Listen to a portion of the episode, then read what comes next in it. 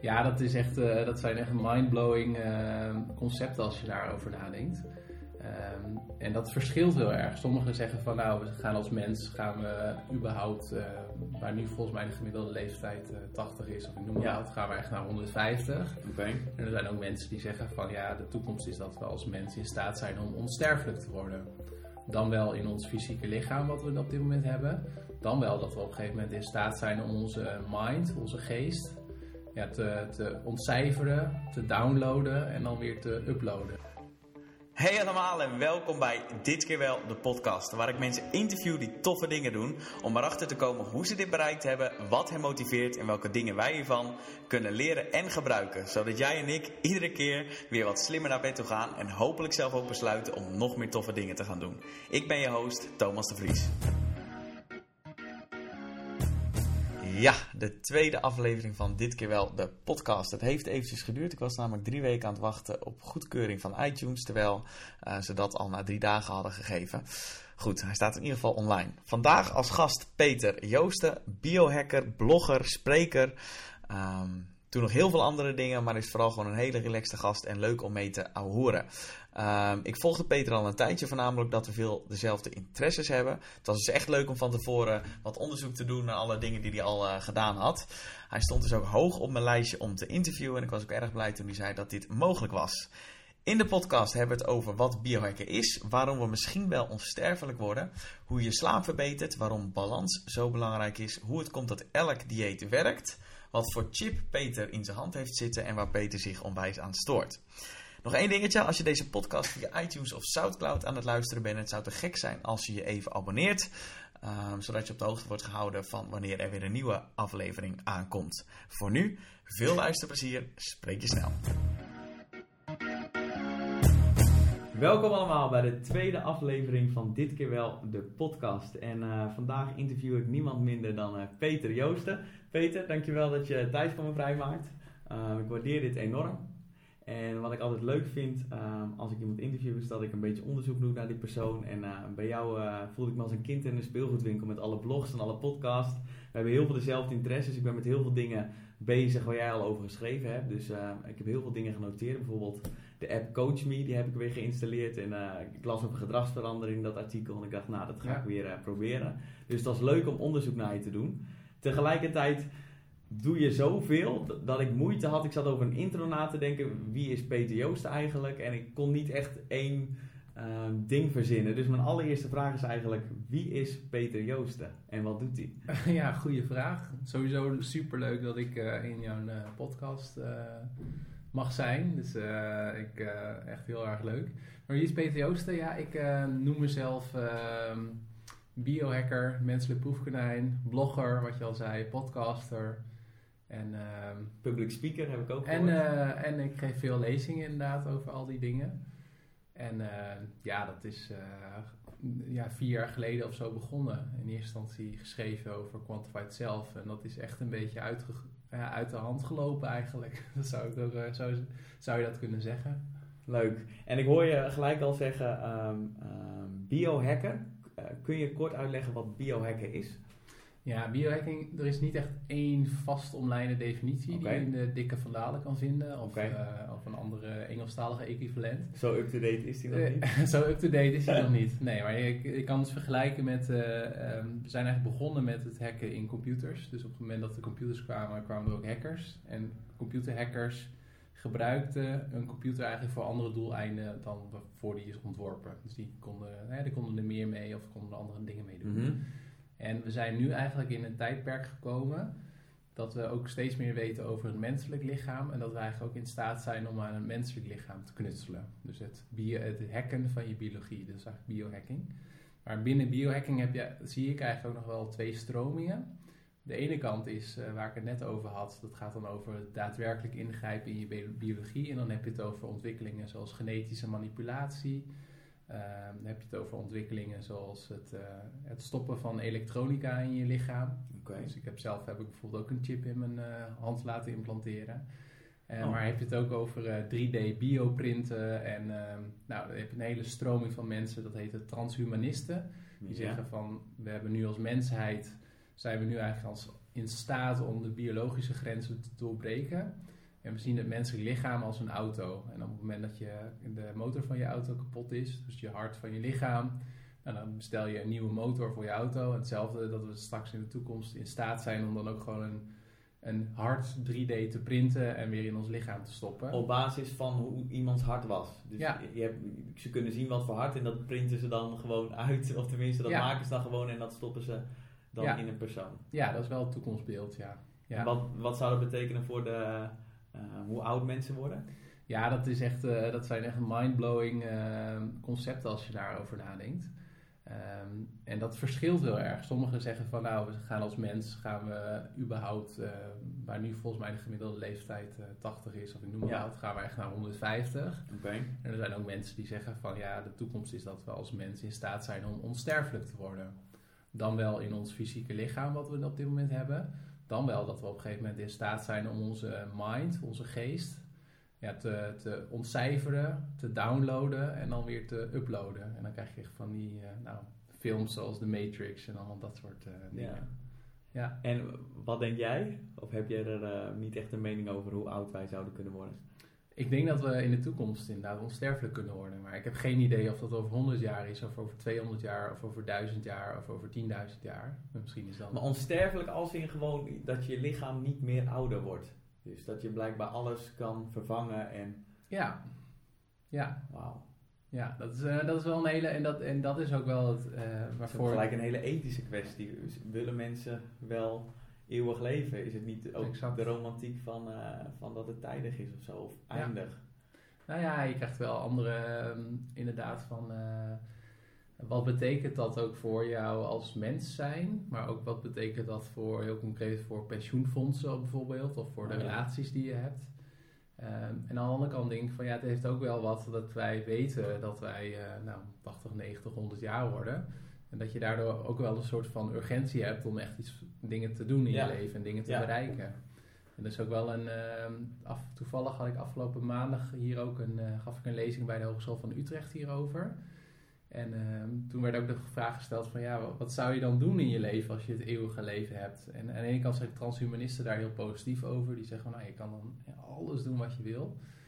Maar aan de andere kant ehm, heb je ook wel weer andere aspecten. Bijvoorbeeld dat je, stel je voor dat je dan niet meer doodgaat door, eh, door ziektes Mhm. of door organen die ermee ophouden. Mhm.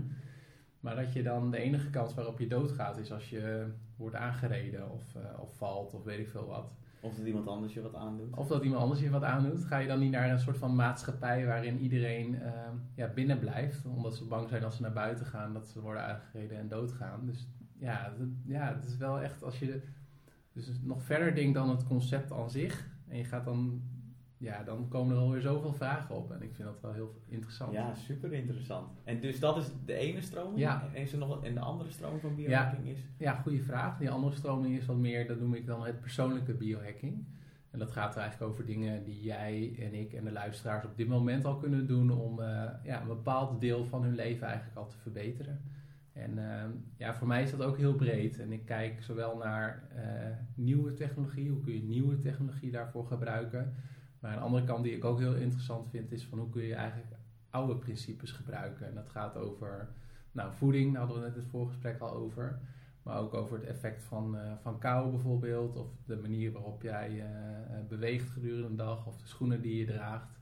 Ja, en al die dingen heb ik eigenlijk in de afgelopen jaren mee geprobeerd en geëxperimenteerd. En blijf ik ook nog doen. Oké. Kun je een, eh, je favoriete experiment noemen? Mijn favoriete experiment? Oh jeetje. Of één van je favorieten? Nou, een van de. ehm, Ik, eh, ehm, eh, eentje waar ik mee begonnen was. Wel, toen, in het begin dat ik blogde was met eh 30 dagen koud douchen. En het was toen ook in december, want ik dacht dat moet wel een beetje een uitdaging zijn. En het leuke was van mijn blog was toen nog helemaal niet zo groot. Maar dat het ehm, wel heel veel aandacht opleverde. Dus ik werd toen ook uitgenodigd voor een, eh, een eh, sessie eh, met Arie Boomsma om daarover te vertellen. En eh, het leuke was dat zeg maar, ja, twee jaar later of zo kwam het, zeg maar, het effect van kou Ah. steeds meer in het nieuws. Ook met de Wim Hof methode. Ja, En ja. later ook nog een cursus Russisch winterzwemmen gedaan. Dus dat vond ik wel een heel leuk... eh, Russisch? leuk- Wat is dat, Russisch winterzwemmen? Ja, Russisch winterzwemmen, dat lijkt enigszins op de Wim Hof methode. Oké. Maar je hebt in, ehm, in Nederland heb je een walrusclub. En misschien heb je die beelden wel eens gezien op televisie. Maar in Rusland, als het eh, heel koud is in die grote steden...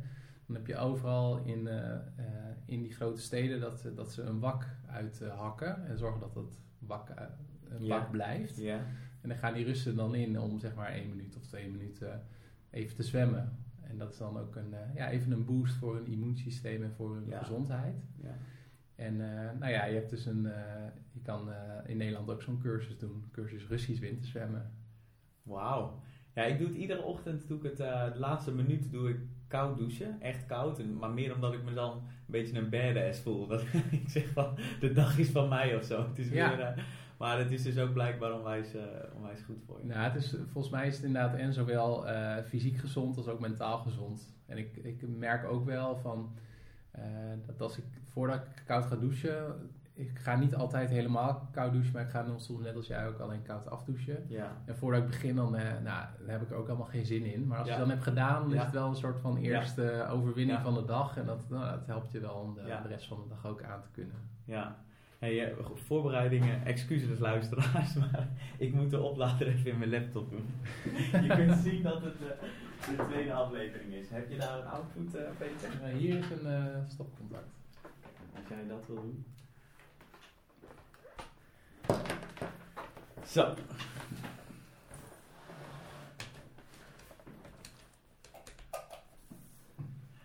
Daar zijn we weer. Oké, en hoe ehm, komt eh, Quantified zelf daarbij kijken? Dus het kwantificeren van jezelf? Ja, dat is eigenlijk wel waarmee ik de blog was begonnen. Oké. Ehm, want ik was toen, toen nu ook eh, wat meer aan het crossfit. Maar ik was toen vier, vijf jaar geleden vooral veel bezig met hardlopen en wielrennen. Ja. En ik vind hardlopen en wielrennen nog steeds hartstikke leuk om te doen. En ehm, een van de dingen die ik, die ik daar ook heel leuk aan vond, is eh, de sporthorloges. Dus ik uh, we hadden toen ook een uh, oude Garmin, of destijds een hele nieuwe, maar tegenwoordig echt hopeloos verouderde Garmin. Die zeg maar mijn hartslag meten en mijn door middel van GPS meten hoe lang ik aan het rennen was en wat mijn gemiddelde snelheid was, et cetera. Mm -hmm. En uh, toen dacht ik van nou, dat vind ik leuk om daarover te schrijven. Dus toen ben ik begonnen met nou, dat soort dingen reviewen. En toen kwam ik er eigenlijk achter dat er een hele beweging is uh, van mensen die zich bezighouden met uh, data over zichzelf verzamelen. En dat, die beweging heet de Quantified Self beweging. En die is opgericht in 2008 door twee redacteuren van de magazine Wired. En uh, nou, wat die eigenlijk doen is, die organiseren twee keer per jaar een evenement. En er zijn ook lokale meetups. En dan komen gewoon mensen voor een zaal staan die zeggen van nou, ik heb dit gemeten. Mm -hmm. Dat heb ik op deze manier gedaan. Ik heb dit ervan geleerd en dat ga ik nu zo toepassen. En dat gaat echt van, uh, van, nou, van sport, waar ik mee ben begonnen, tot aantal stappen, tot slaap, tot voeding, tot... Nou, je kan eigenlijk bijna alles meten. Ja. En ja, toen ben ik ook al die verschillende andere dingen eigenlijk gaan uh, meten en daarover gaan schrijven. En dat is een beetje de... Nou, en dan de data gebruiken om te verbeteren. Dus in plaats van dat je zegt van ja, ik, heb niet, ik slaap niet lekker hierom. Gewoon kijken naar data en dan ook wat objectiever aan kunnen geven van oké, okay, dat komt omdat je alcohol gedronken hebt of omdat je te veel stress hebt of dat ja. soort dingen. Ja, heb je goed okay. gezegd. Ja, want dat is ook een, uh, daarom is Quantified zelf ook wel een belangrijk onderdeel van biohacking. Ja. Dus je kan uh, onder het, de paraplu biohacking inderdaad zeggen van nou, ik vind het belangrijk dat ik ga uh, sterker word of ga afvallen of Mhm. beter ga slapen of meer ga bewegen of zo. Ja. Maar je moet altijd wel weten wat eigenlijk je nulsituatie is. Van hoe kun je je verbeteren als je niet weet wat je huidige situatie is. Ja, en de menselijke geest houdt ons ook wel eens voor de gek. Ja. Dus dat is inderdaad wel een van de sterke punten van Quantified zelf. Dat je, nou, dat je wel een soort van baseline hebt. En inderdaad, om jouw voorbeeld te gebruiken. Ik vind slaap vind ik echt fascinerend. Ik denk dat slaap echt wel een van de belangrijkste uh, ja, supplementen is voor, voor je ja, cognitieve vermogens. En, uh, ja, en dan helpt het inderdaad om, om je slaap te meten en te kijken van hoe je dat kan verbeteren. Heb jij daar uh, een paar tips voor? Nou ja, dat ik, uh, ik heb wat ik tijdens mijn maandelijkse experimenten uh, doe of heb gedaan. Dus soms doe ik dingen niet voor een maand. Dus bijvoorbeeld geen niet warm douchen voor een maand. En soms doe ik dingen wel, dus elke dag mediteren heb ik gedaan. En soms had ik maanden dat ik iets probeerde te optimaliseren. En dat heb ik inderdaad ook een keer met, met slapen gedaan. En ik heb een hele. Ik ben begonnen ook met een eh, sensor in mijn mobiele telefoon. Maar ik heb nu ook echt een mat onder mijn matras liggen. Die zelfs meet hoe vaak ik me omdraai. En die mijn hartslag meet. En mijn uh, hartritmevariabiliteit. En alle, alle, oh ja, alle gekke dingen. Oh, wat gaan Hoe heet, Ja. die, hoe heet die man? Dat is de Amfit, heet die. Oh, oké. Interessant. dat is een Fins bedrijf. En nou, dat is voorbeeld voordeel van het hebben van een blog dat ik ze op een eh, congres in eh, Helsinki sprak. En ik zei van nou, ik heb een blog, ik wil je product wel reviewen. En nou kreeg ik er direct één mee. En, dat, eh, Oh, en daarom gebruik ik hem nu. Dat is leuk. Ja, dus dat is wel leuk. Maar een van de dingen die ik toen heb geleerd is inderdaad dat ik eh, koffie, dus de invloed van cafeïne, dat ik eigenlijk na dat experiment dat ik heb besloten om in principe, maar ik doe niet altijd, na twee uur geen koffie Ja, meer te drinken. nooit na tweeën. Nou, kijk Ja. heel goed. Ja. Vlak voordat ik ga slapen, of 1, 2, 3 uur voordat ik ga slapen, geen alcohol meer drinken. Ehm, eh, ik slik magnesiumsupplementen. Ik ook. Voor het Eh. slapen of 's ochtends? Eh, voor het slapen, Ja, maar ik heb ook een theorie gehoord dat, dat je het 's ochtends moet nemen. Oké. Maar dat heb ik zelf nog niet getest. En een van de ook een hele ja, iets wat de meeste mensen denk ik wel, we- wel weten is van nou, zorg ook dat je je computertijd of je mobiele telefoontijd vermindert. Dus er zit geen smartphone zeg maar op, op de slaapkamer. En ik, een tijdje lang heb ik ook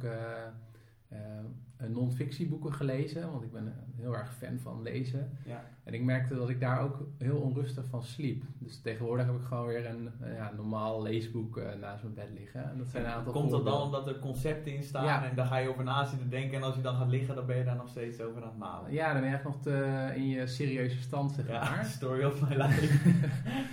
Terwijl het eigenlijk wel lekker is dat je een beetje een soort in, eh, ja, als je fictie leest, dat je een beetje meer in de fantasiemodus Ah, zit. Oké. meer wordt meegedragen met het verhaal, zeg. Dat is nog eens een... eh en biografie, zou dat, eh is dat, of is dat ook weer dat je gaat nadenken van, oh, Nee, ik ben, eh, ja, biografie ligt er misschien een beetje tussen, maar ik ben een paar dagen geleden begonnen met de biografie van Andre Agassi. oh ja. Dus de oude toptennisser. En ik heb ze- zelf niet zoveel met tennis, maar ik hoorde van heel veel mensen dat het echt een heel tof boek Ja. is. En tot nu toe. Ja, slaap ik er ook wel goed op. Ja.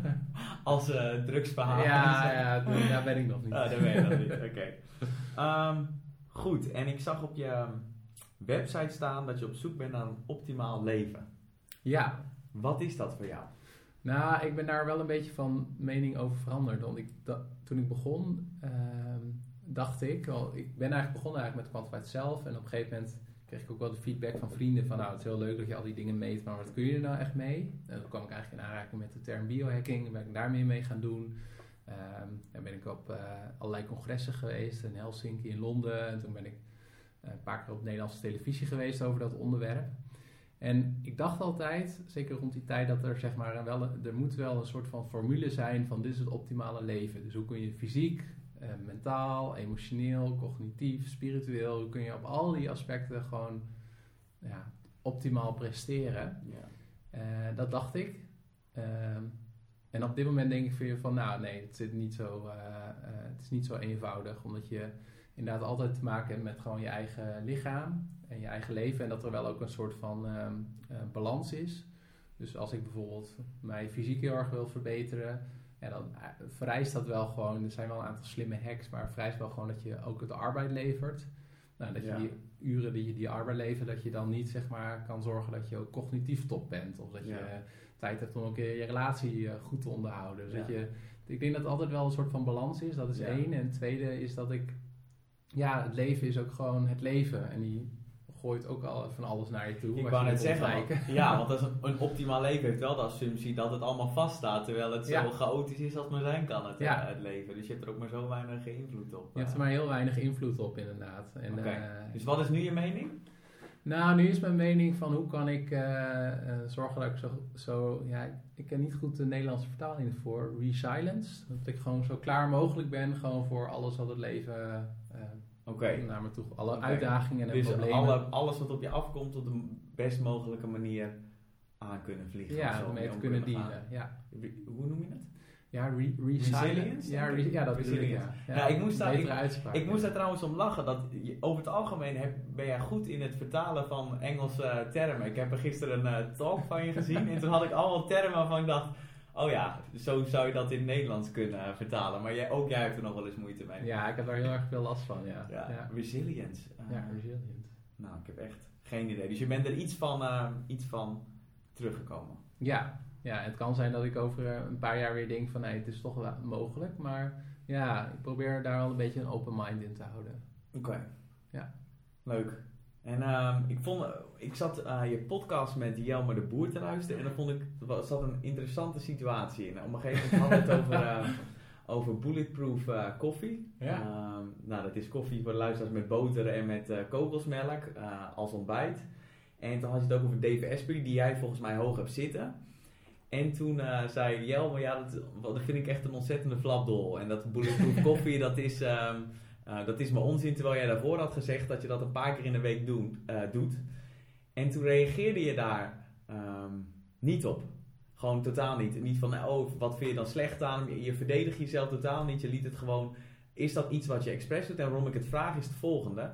Uh, ik doe bijvoorbeeld intermittent fasting. En als ik daarover vertel, dan krijg ik nog best wel uh, reacties van het slaat toch nergens op, is dan niet goed voor je. En ik heb nog wel eens de neiging om mezelf dan een beetje te gaan verdedigen, om te vertellen waarom het uh, goed is of waarom het werkt. Maar bij jou leek je het totaal niet te doen. Is dat een bewuste keuze dat je dat gewoon laat? Zeker rond de, rondom de controverse van voeding en dat soort dingen? Nou, in mijn, uh, in mijn podcast wel. In de lezingen ben ik wel wat meer uitgesproken. Oké. Maar op het moment dat ik zelf de podcast interviews doe, dan ehm, ja, dan laat ik, laat ik het ook wel heel erg bij de gasten om hun eigen mening te, ja, te ventileren. En zeker als het gaat over voeding, ja, dan denk ik van jeetje, we weten er eigenlijk nog zo weinig van. van. Ja. En um, ik heb Dave Asprey wel hoog zitten, maar ja, laatst had ik ook een interview met een onderzoeksdiëtist die zei van er worden soms ook best wel veel claims gemaakt rondom voedingsmiddelen of diëten. Ja. Waarvan we dan ook nog niet eens zeker weten of dat echt voor iemand werkt.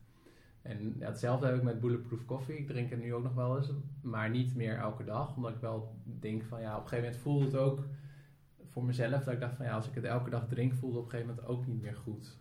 Dus uh, vandaar dat ik daar ook uh, uh, dacht van ja, ik laat, laat, deze bal even passeren. En ook Dave Asprey, die, die, voelde je niet geroepen om Dave Asprey een beetje te verdedigen? Nee, ik voelde me niet geroepen, omdat volgens mij kan hij dat zelf heel goed.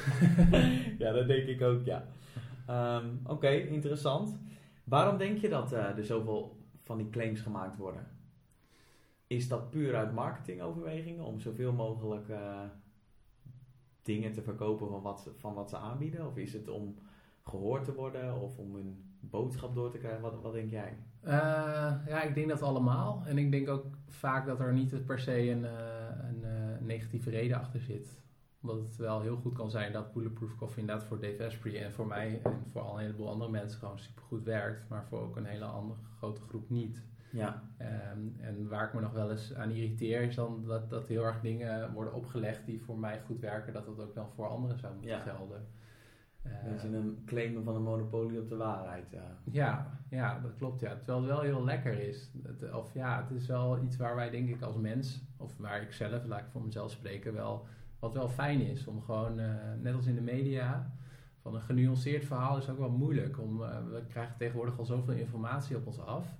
Dat het ook wel lekker is, uh, volgens mij werken onze hersenen ook zo, dat je ja, ook geneigd bent om gewoon patronen eerder op te merken die zeg maar ja. vallen in, in wat je eigenlijk al kent. Ja. En als je dan heel erg je, ja, het kost best wel veel denkkracht om ook alle, ja, heel genuanceerd over een verhaal na te ja, denken. Volgens mij reageren mensen op wat uh, wat waarde voor ze heeft en wat een bedreiging is. Dus als je een hele grote claim hoort, is dat misschien wel zoiets van: hé, hey, dat is anders dan normaal, laten we daar aandacht aan uh, geven. Misschien dat ze het daarom doen zou kunnen. Ja, ja, je ziet het met name rondom voeding. Want ik heb dan ook voor mezelf een aantal experimenten gedaan van. Uh, nou, paleo of ketogeen ja. of veganistisch, vegetarisch. Ja.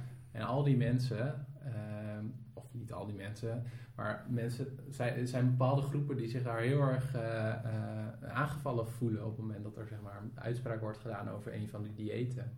Dat echt wel een soort van ja, religie is haast. En ik vind dat wel, uh, wel fascinerend. En ik ben daar zelf ook wel, wel schuldig aan geweest. En misschien... ja, dat, dat je paleo deed of zo. En dat je ja, dat, oké. Ja, ik was er echt van overtuigd dat dat het beste is. En ik denk nog steeds dat het voor een heleboel mensen echt een supergoeie aanpassing ja. is. Ja. Ik vond het wel mooi, uh, Ton Leners heb ik zelf geïnterviewd, dat is de krachtcoach van Sven Kramer. En die zei, en op dat moment uh, klikte dat nog niet echt in mijn hoofd, maar de laatste tijd denk ik er wel vaker aan. Die zei zoiets van, ja, het is, het is geen weet niet meer wat hij precies zei, dus ik, ik para, nou ja, Fraseerde, Fraseer even. Ja. In het Engels, paraphrase. Ja, een stuk makkelijker. Van, eh, ja, het voordeel van dat dieet is dat mensen in ieder geval geen rotzooi meer eten. Ja, Eh, dat is het vaak. hè. Het Ja. is vooral wat ze niet eten en niet wat ze wel eten. Dus Ja. of je nou veganistisch of paleo, je, ja, je eet in ieder geval geen snoep. Nee, En dat precies. is, heel vaak, eh, dat is heel vaak de grootste winst, wat je niet eet. Ja, ja en ook ehm, eh, ja, elk dieet werkt, hè, zeggen ze. Dat komt gewoon omdat el- el- elke keer als je van een dieet verandert, dan word je gewoon weer bewust van je gedrag. Ja. En dat een, ehm, eh, ik heb eh, Chief van Chifo daar ook over gesproken. En die zegt een heleboel eh, mensen die zeggen dat ze niet afvallen. eh, ja, die, en die houden zeg maar een etendagboekje bij. Blijkt dat ze zeg maar een heleboel dingen niet registreren, omdat het allemaal geautomatiseerd gedrag Ja. is. En op het moment dat je je Gewoontes, dieet ja. ja. aanpast, dan word je daar weer bewust van. Dan ga je minder eten en nou, meer afvallen. Ja. Ja. ja, ik vond het een interessante, interessante blog. Heb jij het boek Wilskracht gelezen? Nee. Oh, dat, ik, ik, zat het, ehm, ik zat die blog te, te lezen dacht ik, oh, wilskracht past die zo goed bij. Er staan zoveel manieren om ook met je omgeving om te gaan, je gewoontes te veranderen en dat soort dingen. Ik dacht, nou, dat zou, dat zou een perfect, eh, dat is echt een aanrader. Oké, wilskracht van Roy Bouwmeister is het. eh. Ja, meestal dan ook het concept dat, dat wilskracht, dat, dat, dat, dat mensen daar te veel waarde aan hechten. En dat het juist gaat dat je jezelf een beetje daarin moet Nou, het helpen. is, eh, hij zegt dat wilskracht een spier is. Hmm. En ehm, dat, dat, dat kun je dus gewoon ehm, vermoeien. Dat kun je Ja. uitputten. Er zijn ook onderzoeken gedaan van rechters die maken aan het eind van de dag, als ze dus de hele dag gewerkt hebben, doen ze eerder een eh, uitspraak in, Ah. voor zeg maar de, degene die zit ehm, negatief uitpakt. Er zijn onderzoeken gedaan naar een aantal uitspraken en smiddags worden er meer eh, mensen veroordeeld. Waarom? Omdat, die, omdat je wilskracht gewoon uitgeput is. Je hebt al heel veel beslissingen genomen en op een gegeven moment kun je dat niet meer. Ja. Daarom zijn ook mensen die de hele dag hard werken, die gaan naar de supermarkt en dan is je wilskracht uitgeput.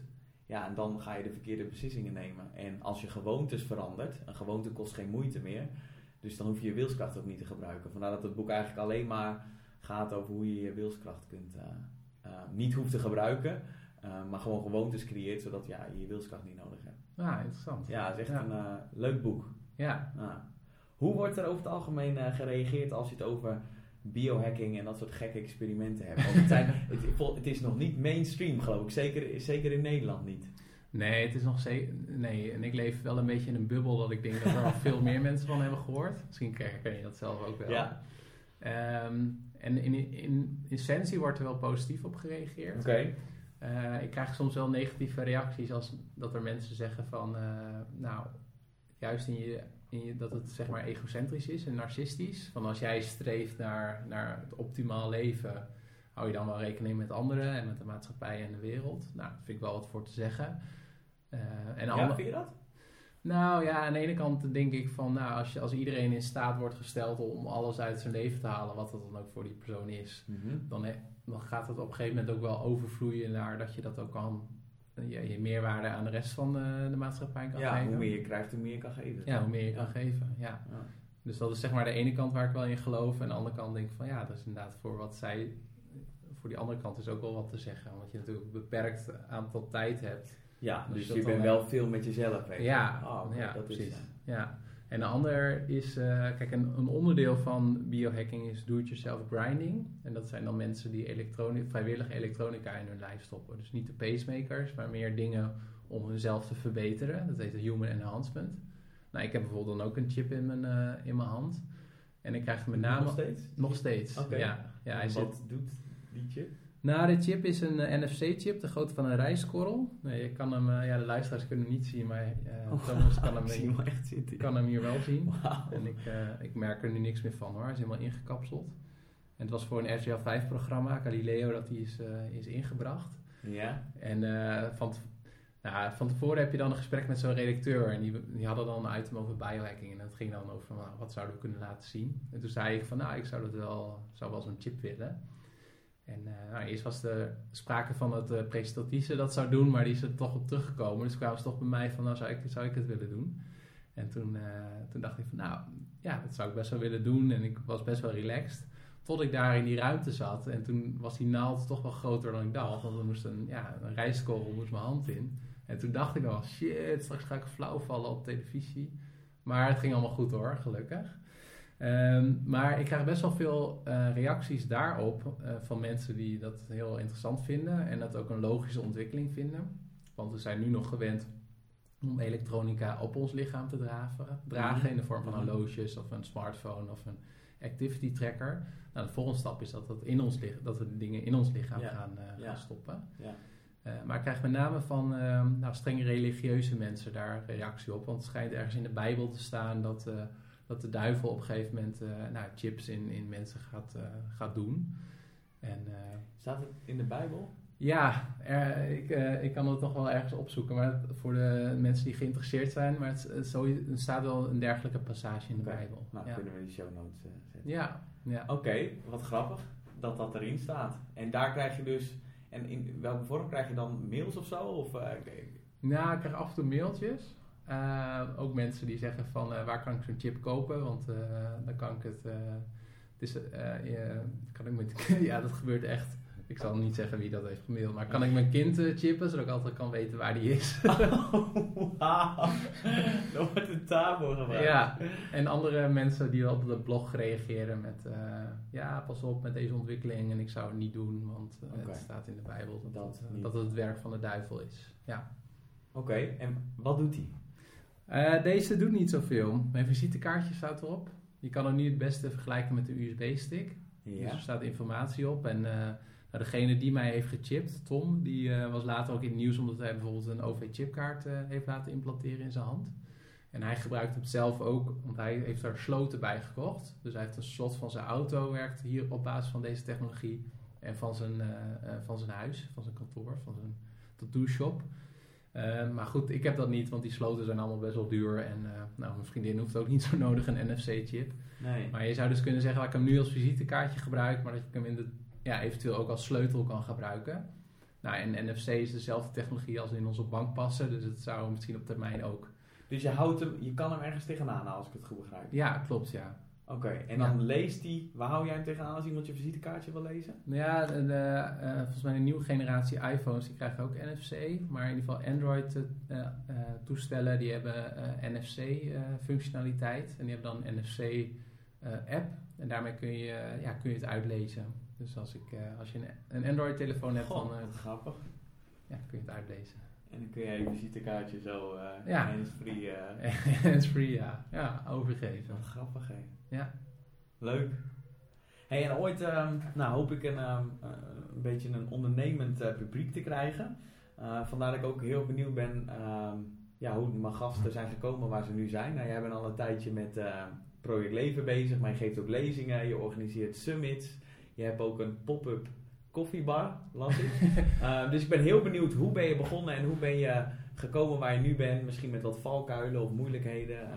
Ik ben heel benieuwd naar je reis, eh, reis tot nu. Ja, dat is eigenlijk wel echt ehm, begonnen vanuit eh, ja, die intrinsieke motivatie. Dus ik ben echt begonnen, want ik had daarvoor ook wel wat ideeën dat ik toch wel wilde ondernemen. En Mhm. ehm, nou, toen ben ik echt begonnen om te schrijven met wat ik echt leuk vind. Nou, die, eh, die apps en gadgets. En daarbij ook een beetje ja, de flow aangehouden van wat, wat vind ik op dat moment ook interessant. Dus ik heb ook wel wat andere type artikelen geschreven over reizen of over eh, nou, wat anders.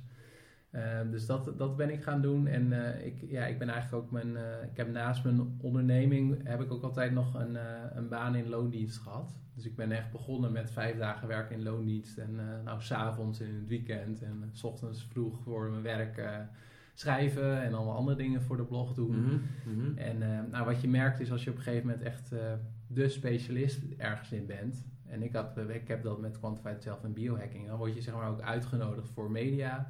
En ook voor, eh, bedrijf, door bedrijven om daar lezingen te geven.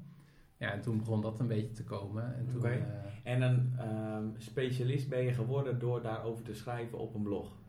ja, eigenlijk wel. Ja, want ik, ik heb helemaal geen achtergrond in. Die vraag krijg ik vaak van, nou, je hebt vast biologie gedaan of eh, geneeskunde of zo. Maar Ja. ik heb gewoon, eh, ja, net als jij, bedrijfskunde gedaan. En wel heel geïnteresseerd in, eh, in, in mezelf, heel nieuwsgierig naar mezelf en, en het menselijk lichaam en dat soort dingen. En eigenlijk gewoon door, ja, door research te doen en door eh, ja, door podcast-interviews te houden met mensen die er echt verstand van hebben, zeg ik Ja, maar. ben je er slimmer? Eh, ja, word je er zelf ook gewoon veel slimmer van. Omdat je, net, Ja. ja. je bereidt die gesprekken voor, je luistert er nog een keer en dan schrijf, schrijf je de show notes erbij. Dus Ja. dat, ja, dat neem je gewoon allemaal mee. En zie je jezelf nu ook als een specialist? Ik, ik vraag het omdat ik ook bij mezelf merk dat het, je moet jezelf ook wel toestemming geven om jezelf ergens eh, vakkundig in te vinden of een Ja. specialist in te vinden. Heb je dat inmiddels bij jezelf? Nu inmiddels wel, ja. In het begin had ik daar wel meer moeite mee. Dat ik dacht van, ja, wat weet ik er nou van? En wie ben ik nou om daar iets, iets over te zeggen? Of wie ben ik Mhm. nou om daar een, eh, een, eh, heel, ja, een visie op te hebben? Maar ja, gewoon door, ja, door, door veel ervaring en Ja.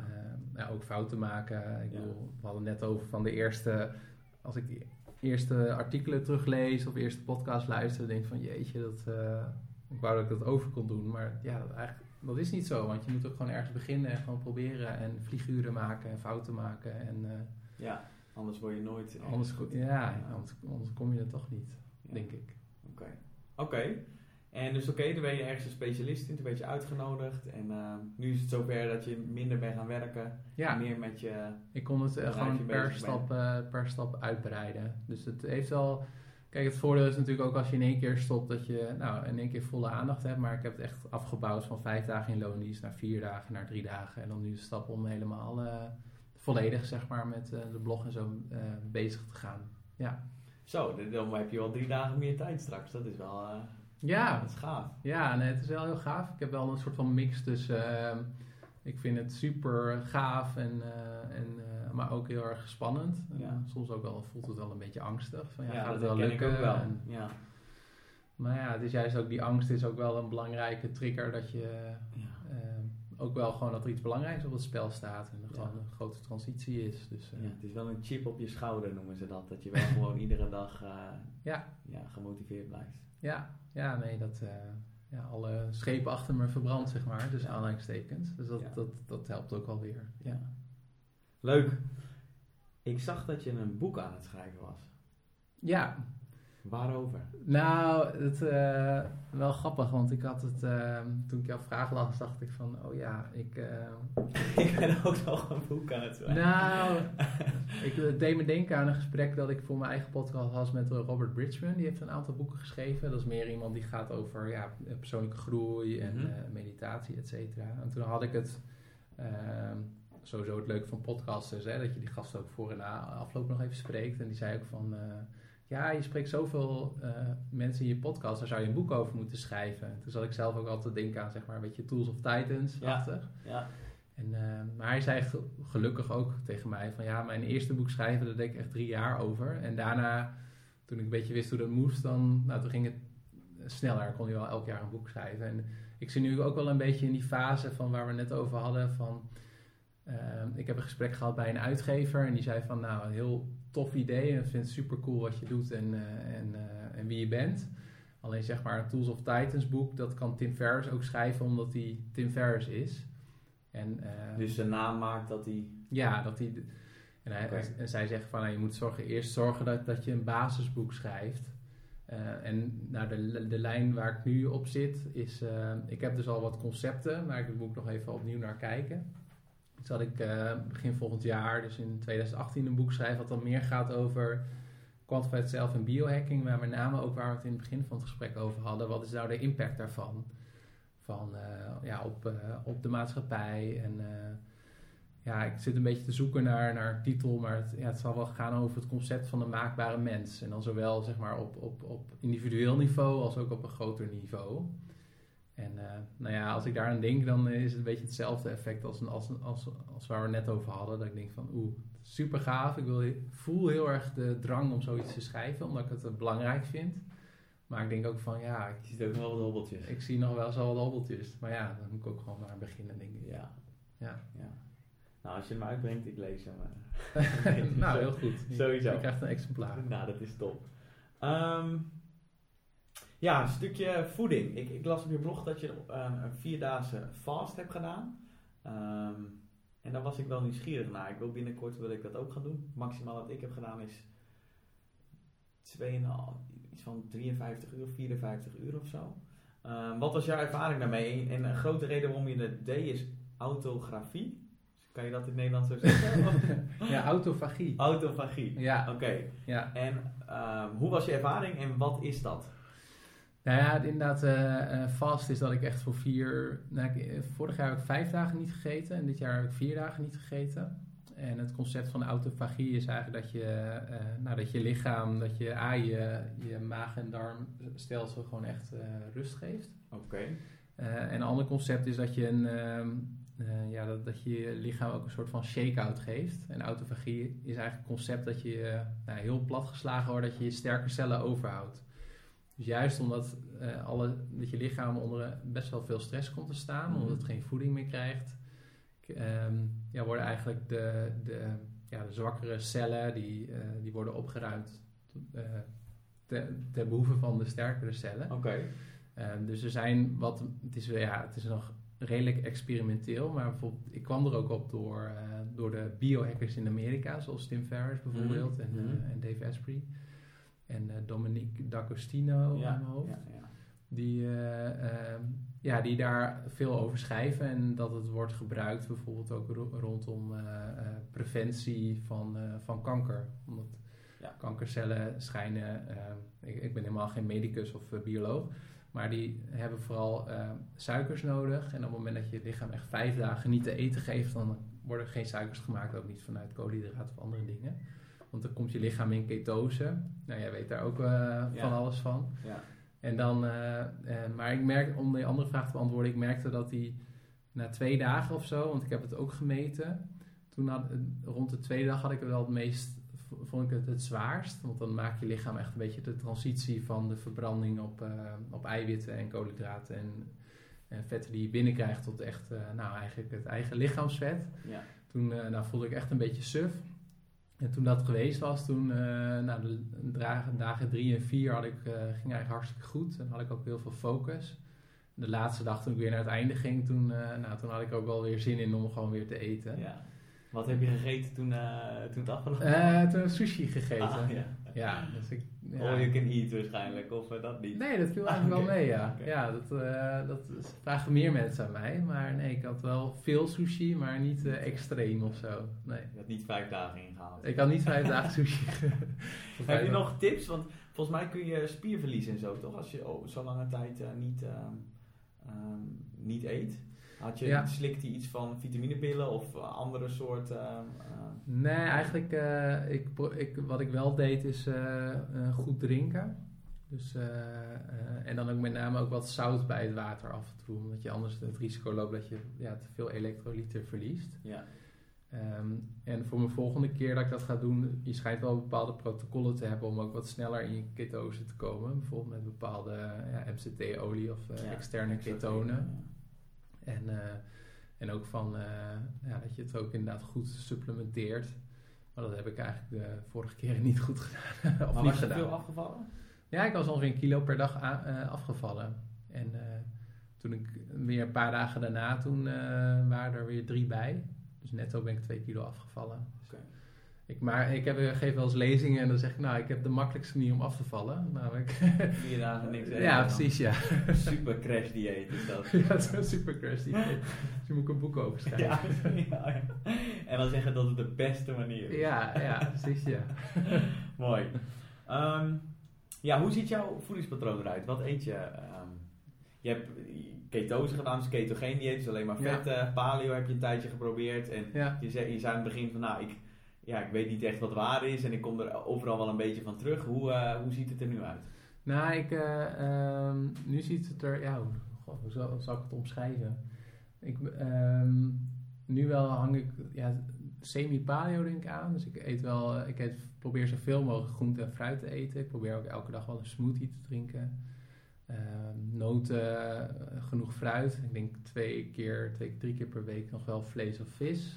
Dus ik ben ook niet helemaal veganistisch of vegetarisch. Zeker omdat kon ik wel eh, eieren ook wel regelmatig eten. En, eh, maar ook wel af en toe graanproducten. Ik ben echt een heel erg groot liefhebber van, eh, van pasta. Dat vind ik gewoon heel lekker en dat eet ik gewoon, eet ik ook Ja. gewoon graag. Maar ik vind, wel in, ik vind ehm, ook de toekomst van voeding wel interessant. Want ik wel denk, eh, daar hadden we het ook in het voorgesprek over, dat we wel steeds meer naar gepersonaliseerde diëten gaan. Ja. Dus ik heb bijvoorbeeld wel mijn DNA laten analyseren. En eh, ik moet er nog even nog, nog wel een keer wat beter induiken. Maar eh, er komen wel wat dingen uit van, nou, je hebt een gen waarmee ik zeg maar snel cafeïne verbrand en dat ik lactose tolerant ben. En nou, ik verwacht wel dat we in de toekomst wel meer naar een model gaan. Dat je Ja. nou, je DNA met je bloedwaardes en dat soort dingen. En dat je meer naar individuele diëten gaat. Ja. Dat is de toekomst. Dat kan, niet, dat kan eigenlijk niet anders. Dat, Nee. Dat, dat, eh, ja. Oké. Dus je hebt overal wel een beetje van. Het is gewoon, Ja, en eh, eh, nog, misschien nog wel een leuk voorbeeld nog om te noemen is dat ik ook een maand lang op eh, poedershakes heb geleefd. Misschien ken je dat wel, van die, in, in Amerika heet het Joyland, nee. Soyland. In Nederland heb je bijvoorbeeld Jimmy Joy en Quail en... ja. En nou, dat gebruik ik ook nog steeds. Dan Zeg maar, dan- dan heb je poeder, doe je water bij en dat, dat staat dan gelijk aan één maaltijd. En nou, zeker als ik druk ben, dan is dat ideaal. Want dan drink je zo'n shake en dan heb je gewoon gegeten. Oké, zo voelt dat ook. Dit verzamelen. Nou ja, een goede vraag. Want ik zelf denk ook wel eens van, nou, wat, eh, ook als ik soep eet of zo, denk ik van, nou, daar word ik toch helemaal niet vol van. Maar hetzelfde voor zo'n shake. Maar dat, dus. ja, dat werkt goed. Ja. Cool. Ja. HRV. Meet je dat? ja, dat meet ik, ja. Zou je heel kort uit kunnen leggen ehm, wat het is en ehm, hoe je het gebruikt? Ik doe het namelijk zelf ook en ehm, moet eerlijk zijn dat ik er weinig mee doe. Dus ik ben heel benieuwd hoe jij het dagelijks toepast.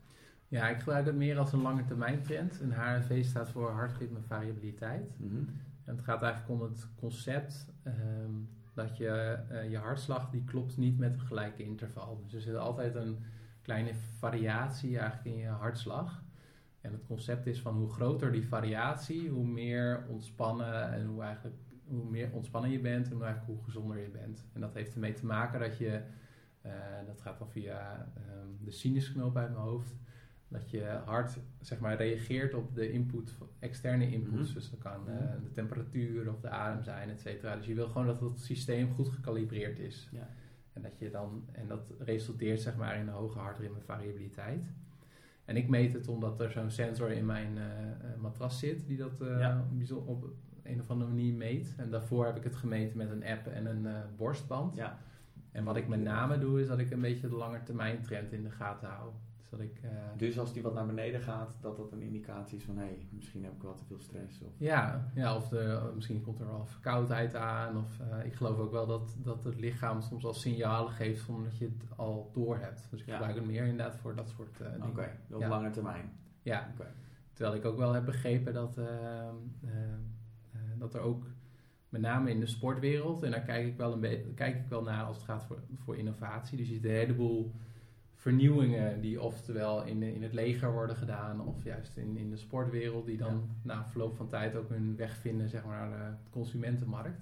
Ja. En dat bepaalde atleten HRV veel, nog veel specifieker inzetten voor het bepalen van wat voor trainingsarbeid ze gaan Ja, dat, dat is ook hoe ik het begrepen heb. Heb je het boek Coherence gelezen van Alan Watts? Nee, nog niet. Oh, hij vertaalt het door naar eh, prestatie, en naar creativiteit en hij, eh, hij begeleidt CEO's daarin. En hij zegt eigenlijk dat op het moment dat je eh, niet coherent bent, dus je HRV naar beneden gaat, dat je dan minder creatief bent, eh, gestrest, dat je een soort van fight-or-flight modus gaat en dus niet je volledige eh, capaciteiten kan benutten.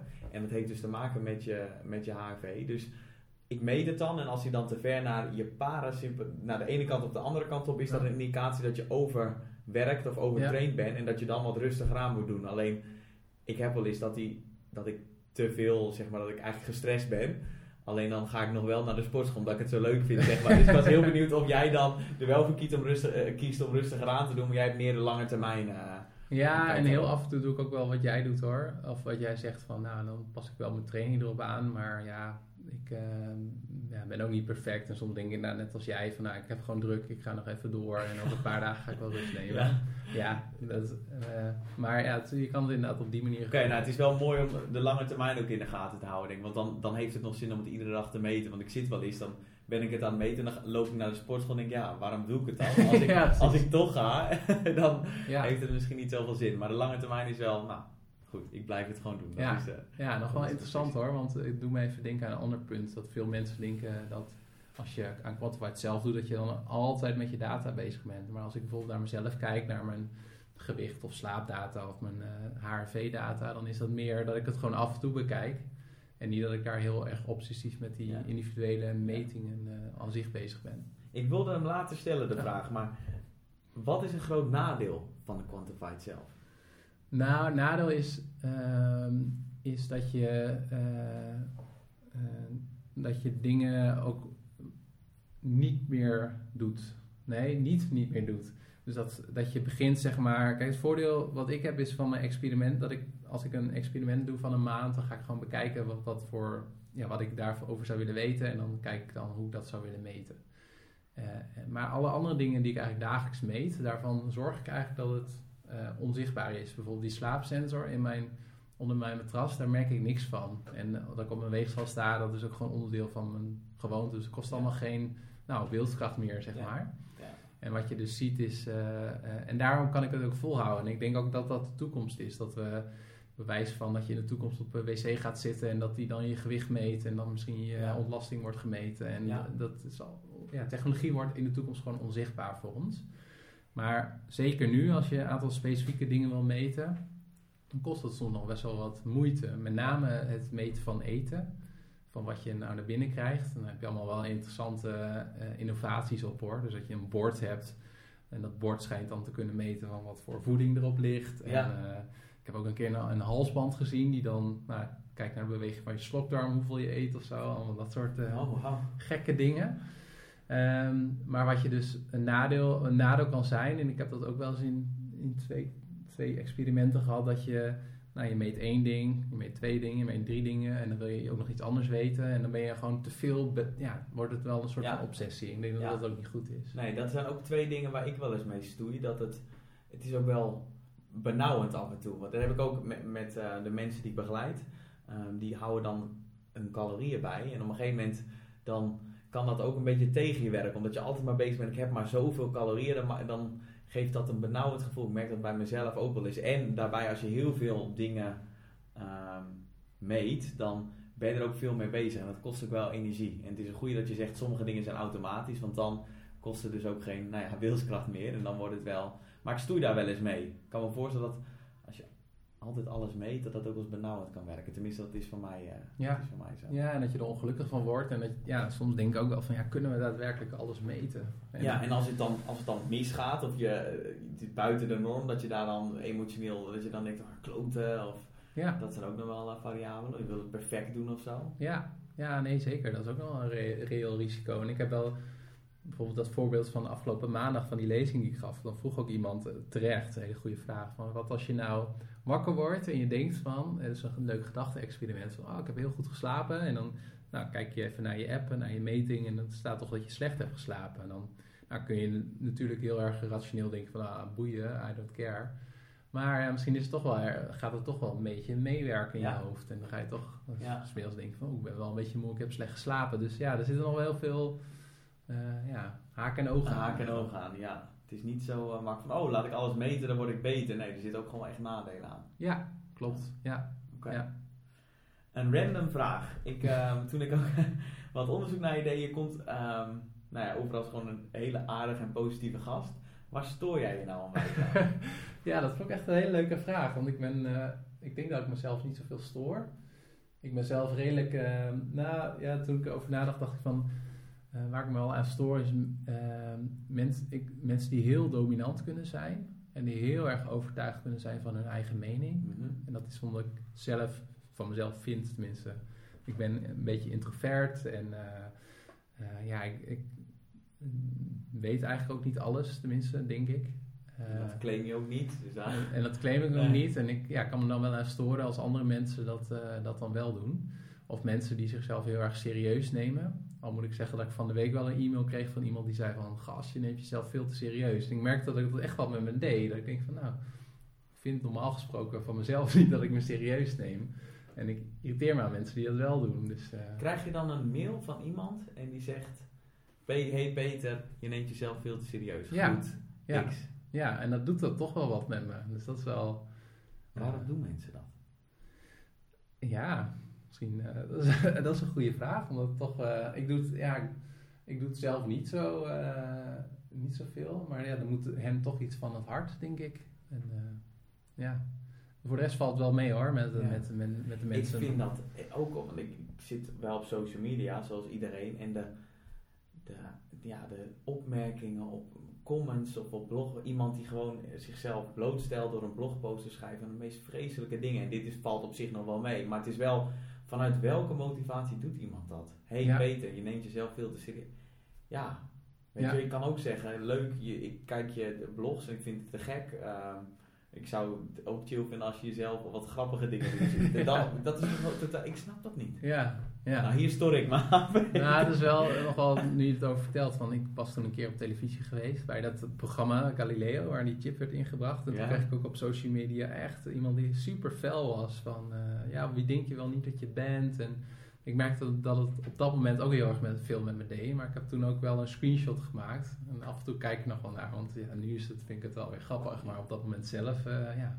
En eh, je zegt het doet wel wat met je, daardoor ga je misschien twijfelen aan jezelf of...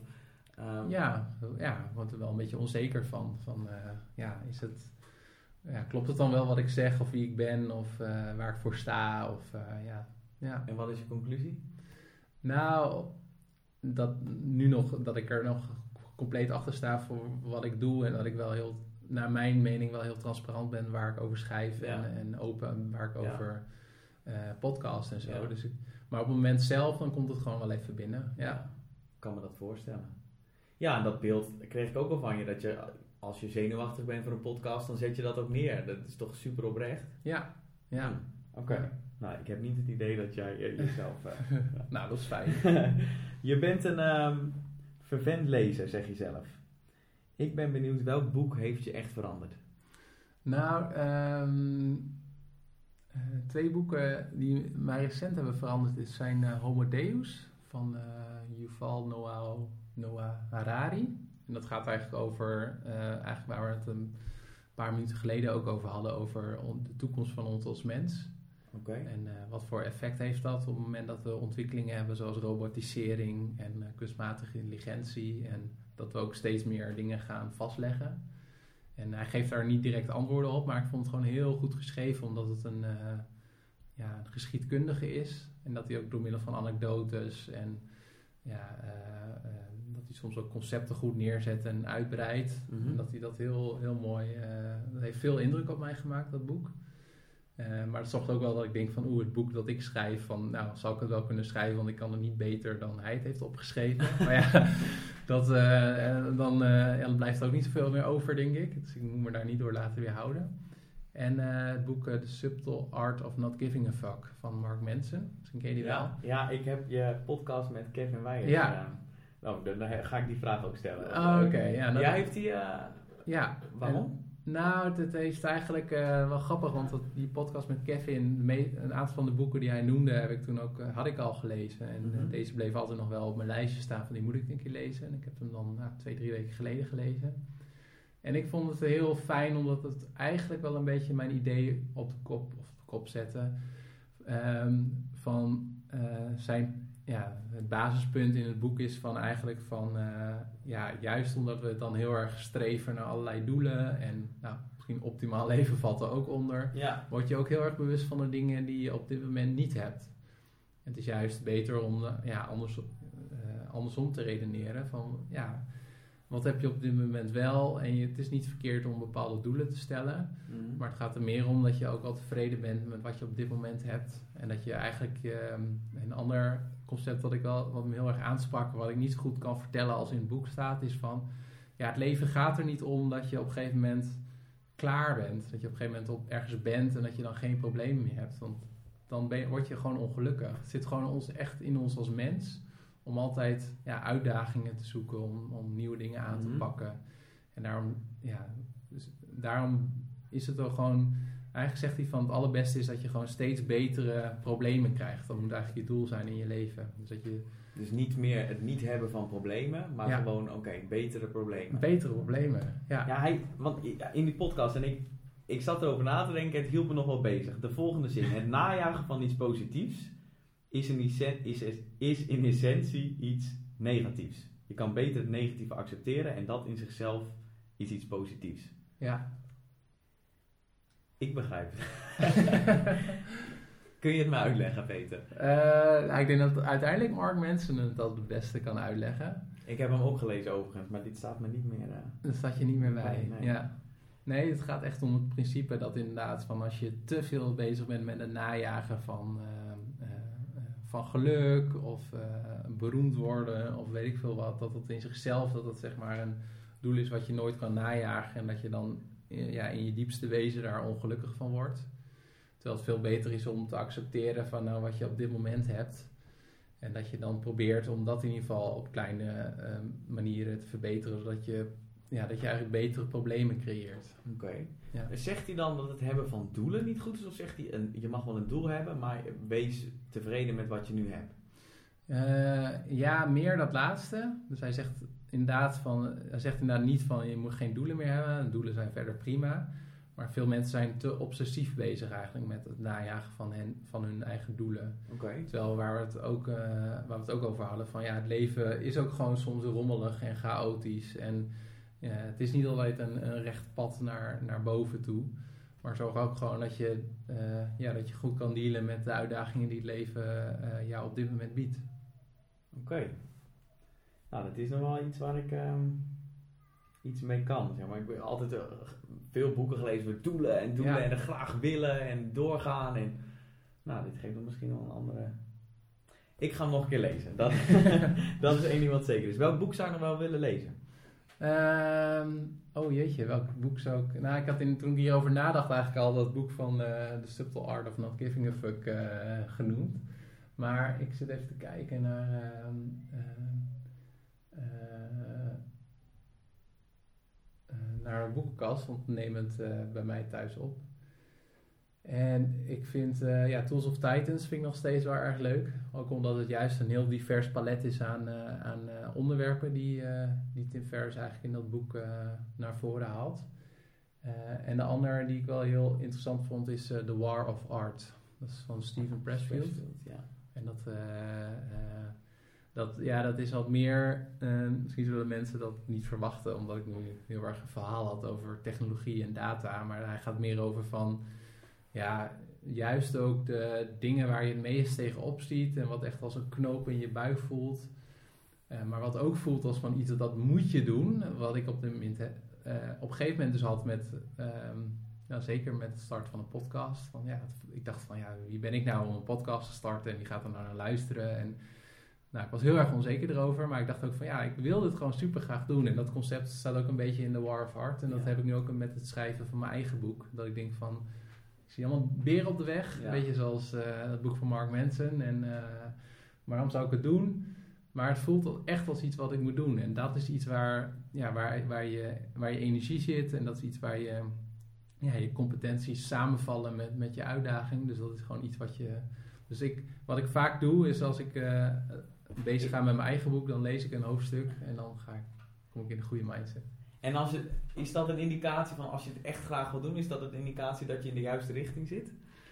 Ja, als je het echt, uh, als het gewoon on, on, onbedwingbaar is. Maar ook dat het dat voelt dat het super spannend is. Okay. En dat je het eigenlijk ook wel een stemmetje in je hoofd is. het dan die spanning dat ook eigenlijk bepaalt van oké, als er spanning zit, dan zit daar ook de groei of zo. Dus dan moet je het juist proberen. Ja, als er spanning zit. resistance, toch? Of ja, resistance heeft hij het over. Ja. ja. Ja. als er spanning zit, dan zit ook echt ah, energie. En uh, uh, om het aan te Zo had ik het nog niet geïnterpreteerd. Ja, maar het kan, het kan ook zijn dat ik fout zit, hè? Ja, dat zou kunnen. nou, ik vind meerdere blikken. Ja, ik, uh, ja, nee, dat is ook leuk, ja. Oké. Okay. Um, ik heb ooit in je mails gelezen dat een van je ambities is om een grote show te hebben. Toen ik het las, dacht ik, nou, dat, dat, dat, wil ik ook weten. Dus die ambitie hebben we zelf. Wat zijn nog meer je ambities? Je gaat uh, nou fulltime bezig met Project Leven. Wat zou je, waar zou je naartoe willen? Nou ja, nog even voor de luisteraars, grote show. Ik zou inderdaad, inderdaad wel iets met televisie willen. Dat lijkt me gewoon, uh, ja, niet eens. Ik vind het, een medium podcast al fantastisch. Mm -hmm. ja, de radio vind ik ook geweldig. Dus, maar ja, televisie denk ik van, ja, dat zou ik ook leuk vinden om daar ook uh, iets meer handen en voeten aan die experimenten te geven. Is televisie trouwens niet een doodbloedend medium? Ja, dat is wat meer een YouTube. Uh, Oké, okay, dus goed, beeld. Goed loop, goed, ja, beeld. Okay. Ja, goed okay. lopende YouTube show zijn. Ja. Of, nou, andere uh, ambitie, ik zou nog wel. Ik heb tot nu toe twee keer ook internationaal een lezing gegeven. Dat vond ik echt su- super tof om te doen. En ik zal dat, zou wel nog, dat nog wel meer willen doen. Dus eigenlijk wat... eh, ik ben een groot fan ook van Ben Greenfield bijvoorbeeld. Ja. Nou, die spreekt ook over de hele wereld. En gewoon hoe hij dat inricht. Hij heeft zeg maar gewoon, besteedt gewoon heel veel tijd aan zijn eigen gezondheid en, eh, en, zijn, en zijn gezin. Maar ook aan zijn sportieve doelen. Maar daarnaast eh, heb ik hem wel een paar keer in Londen en Helsinki op het podium gezien. Gewoon met een uniek verhaal. En eh, ik ben nu wel een beetje op zoek ook. eh, misschien valt het mooi samen met het boek wat ik wil schrijven. Maar wat zou dan mijn unieke verhaal zijn? Ja. Wat ik Oh, ja. ja, ook in het buitenland kan vertellen. En een ander doel is, ik zou nog wel graag naar, naar Nepal willen en een mooie beklimming willen doen. Ik weet niet, bergen, dat, ja, heb ik zo'n, voel ik zo'n aantrekkingskracht bij. Dat, eh, maar dat is wat minder concreet, maar dat lijkt me ook heel gaaf. Gaaf. Nou, is toch juist wel concreet? Ja, ja. Ja.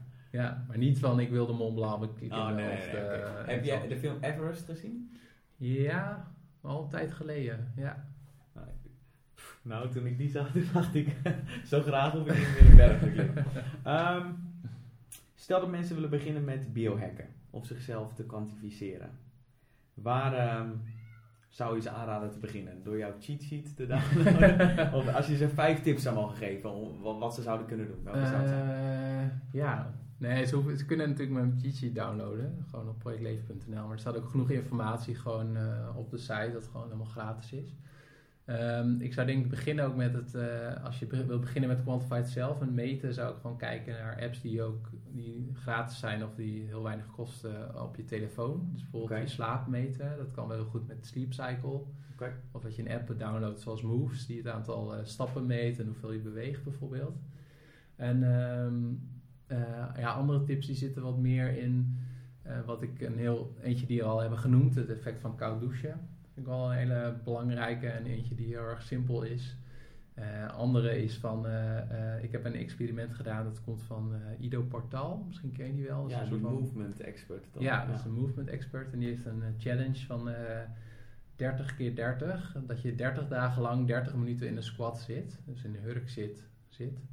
En dat heb ik ook een keer gedaan. En tegenwoordig ga ik eigenlijk, als ik mijn tanden poets, ga ik in de, in de hurk zit zitten. Oh, dat ziet er misschien een beetje gek uit, maar het is heel erg goed voor je houding. Want wij in Nederland, of überhaupt in het Westen, zitten wij eigenlijk te veel. In Indonesië zitten ze altijd zo. Ja, Ik heb daar eh, een tijdje gereisd en die zitten altijd gewoon in gehurkte positie. Ja. Urenlang. ja bijzonder hè? Fascinerend. Ja, anders Ja. wij dat in Nederland doen, dan hebben we een driedubbele hernia aan Ja, klopt, ja. Ja. ja dus dit- dat is goed voor je om die in die, ehm, ja, in die houding te Ja, zeker als je heel veel zit. Ik probeer het ook af te wisselen. Af en toe ga ik staand werken en af en toe zittend werken. En eh, heel af en toe ook eh, in de hurk zit zitten. Mhm. En eh, ja, dat is gewoon heel erg goed. En Dus vet- een sleep cycle hoor ik, Ja. koud douchen, moves, om Ja, moves. stappen. ja, en dan eh, de hurk zitten. We hadden De we al? zitten, ja. Ja. 30 keer 30. Ja, en eentje nou om echt even een weird biohack. eh, ik heb ook allerlei apps of allemaal gadgets getest. Mhm. En eentje vind ik wel heel interessant. Dat is de Tink. T-H-Y-N-C. En eh, nou, die is wel eh 300 euro of zo. Dus het is ook niet eh, heel goedkoop. Alleen dat is een eh, ding dat zet je op je slaap bij je hoofd. En die, eh, ja, die zet eigenlijk een soort van zwakstroom op je hersenen. En daarmee kun je actief je hersenen in twee posities zetten. Of in de energiemodus of in de ontspannenheidsmodus. Dus ik heb ook een andere wearable eh gebruikt. Dus de Muse Headband. Die krijgt naar je hersengolven en die geeft je feedback als je mediteert. Maar dan moet je eigenlijk nog steeds het werk zelf doen, hè, mediteren. Mhm. En, eh, nou ja, ik weet niet of jij mediteert, maar dat is best wel een, eh, in- ochtend, ja. inspannend. Ja. En nou, je, gaat, je ziet dus, als we het hebben over biohacking, dat er al gadgets zijn die eigenlijk dat soort moeite ook eh, uit ons, eh, eh, Oh. van ons verlossen. En ja, dat vind ik ook fascinerend. Dus als je echt even diehard wilt biohacking, en, dan zou ik bijvoorbeeld kijken naar een Tink. Ja. Ja. Oké. Heel kort, hoe belangrijk is mediteren voor jou? Ja, heel belangrijk. Ja. Ja. Ik ben er echt nog helemaal niet goed in, maar volgens mij is dat ook niet, eh, als ik, ik heb daar al wat boeken over gelezen, dat ook niet per se Het doel is ook eh, niet om er goed in te zijn, volgens mij. Nee, het gaat juist net als, als met trainen, eh, waar denk ik ook wel veel van jouw podcastluisteraars affiniteit mee hebben, is dat je ook juist het, ja, het weer in beweging zetten van een gewicht is, is je training. En hetzelfde geldt voor mediteren. Dus als je aan het mediteren bent en je bent afgeleid en je, het moment dat je dat beseft en weer terugkomt Ja. zeg maar, in je meditatie, dat is eigenlijk je training. Geen waarde hechten aan de gedachten die je hebt. En Ja. observeren in plaats van. Ja, Ja. klopt ja. Ja, het is voor mij ook echt een. Nou ja, sinds ik dat doe, eh, ehm, ja, alles verandert, zeg maar. Dus echt een grote invloed. Ja, leuk. Waar ehm, kunnen mensen, voordat ik de laatste vraag stel, waar kunnen mensen je online vinden? Eh, in ieder geval projectleven.nl. En op iTunes kunnen ze ook de Project Leven Show eh, vinden. En een aantal van die een aantal gasten genoemd kunnen ze verder naar luisteren. Ja, en op YouTube ehm, heb ik verder nog niet zo heel veel abonnees. En op eh, Facebook en, eh, en Instagram. oké. Allemaal Ja. project leven. Ja, eigenlijk eh, ja, op Twitter heet ik WP Joosten, maar ik weet niet hoe groot Twitter nog is. Maar als je, daar kun je me vinden onder WP Joosten en voor de rest is het uh, Project Project Leven. Leven. Ja. Leuk. Oké. Ik zal het ook in de show notes zetten. Stel, of stel, als jij er over heel veel jaren niet meer bent. Nou, misschien is dat 100 jaar, misschien is dat wel 1000 jaar, dat weten we niet. Ehm, wat wil je dat mensen over je zouden zeggen? Waar zou je voor herinnerd willen worden? Ehm, ik denk dat het mij wel tof lijkt als mensen zeggen van... Oh cool, die Peter deed toen al dingen die voor ons nu heel normaal zijn. En die heeft ons eigenlijk wel geholpen om daar toen al even over na te denken wat de impact daarvan zou kunnen zijn. En dat dat wel, ja.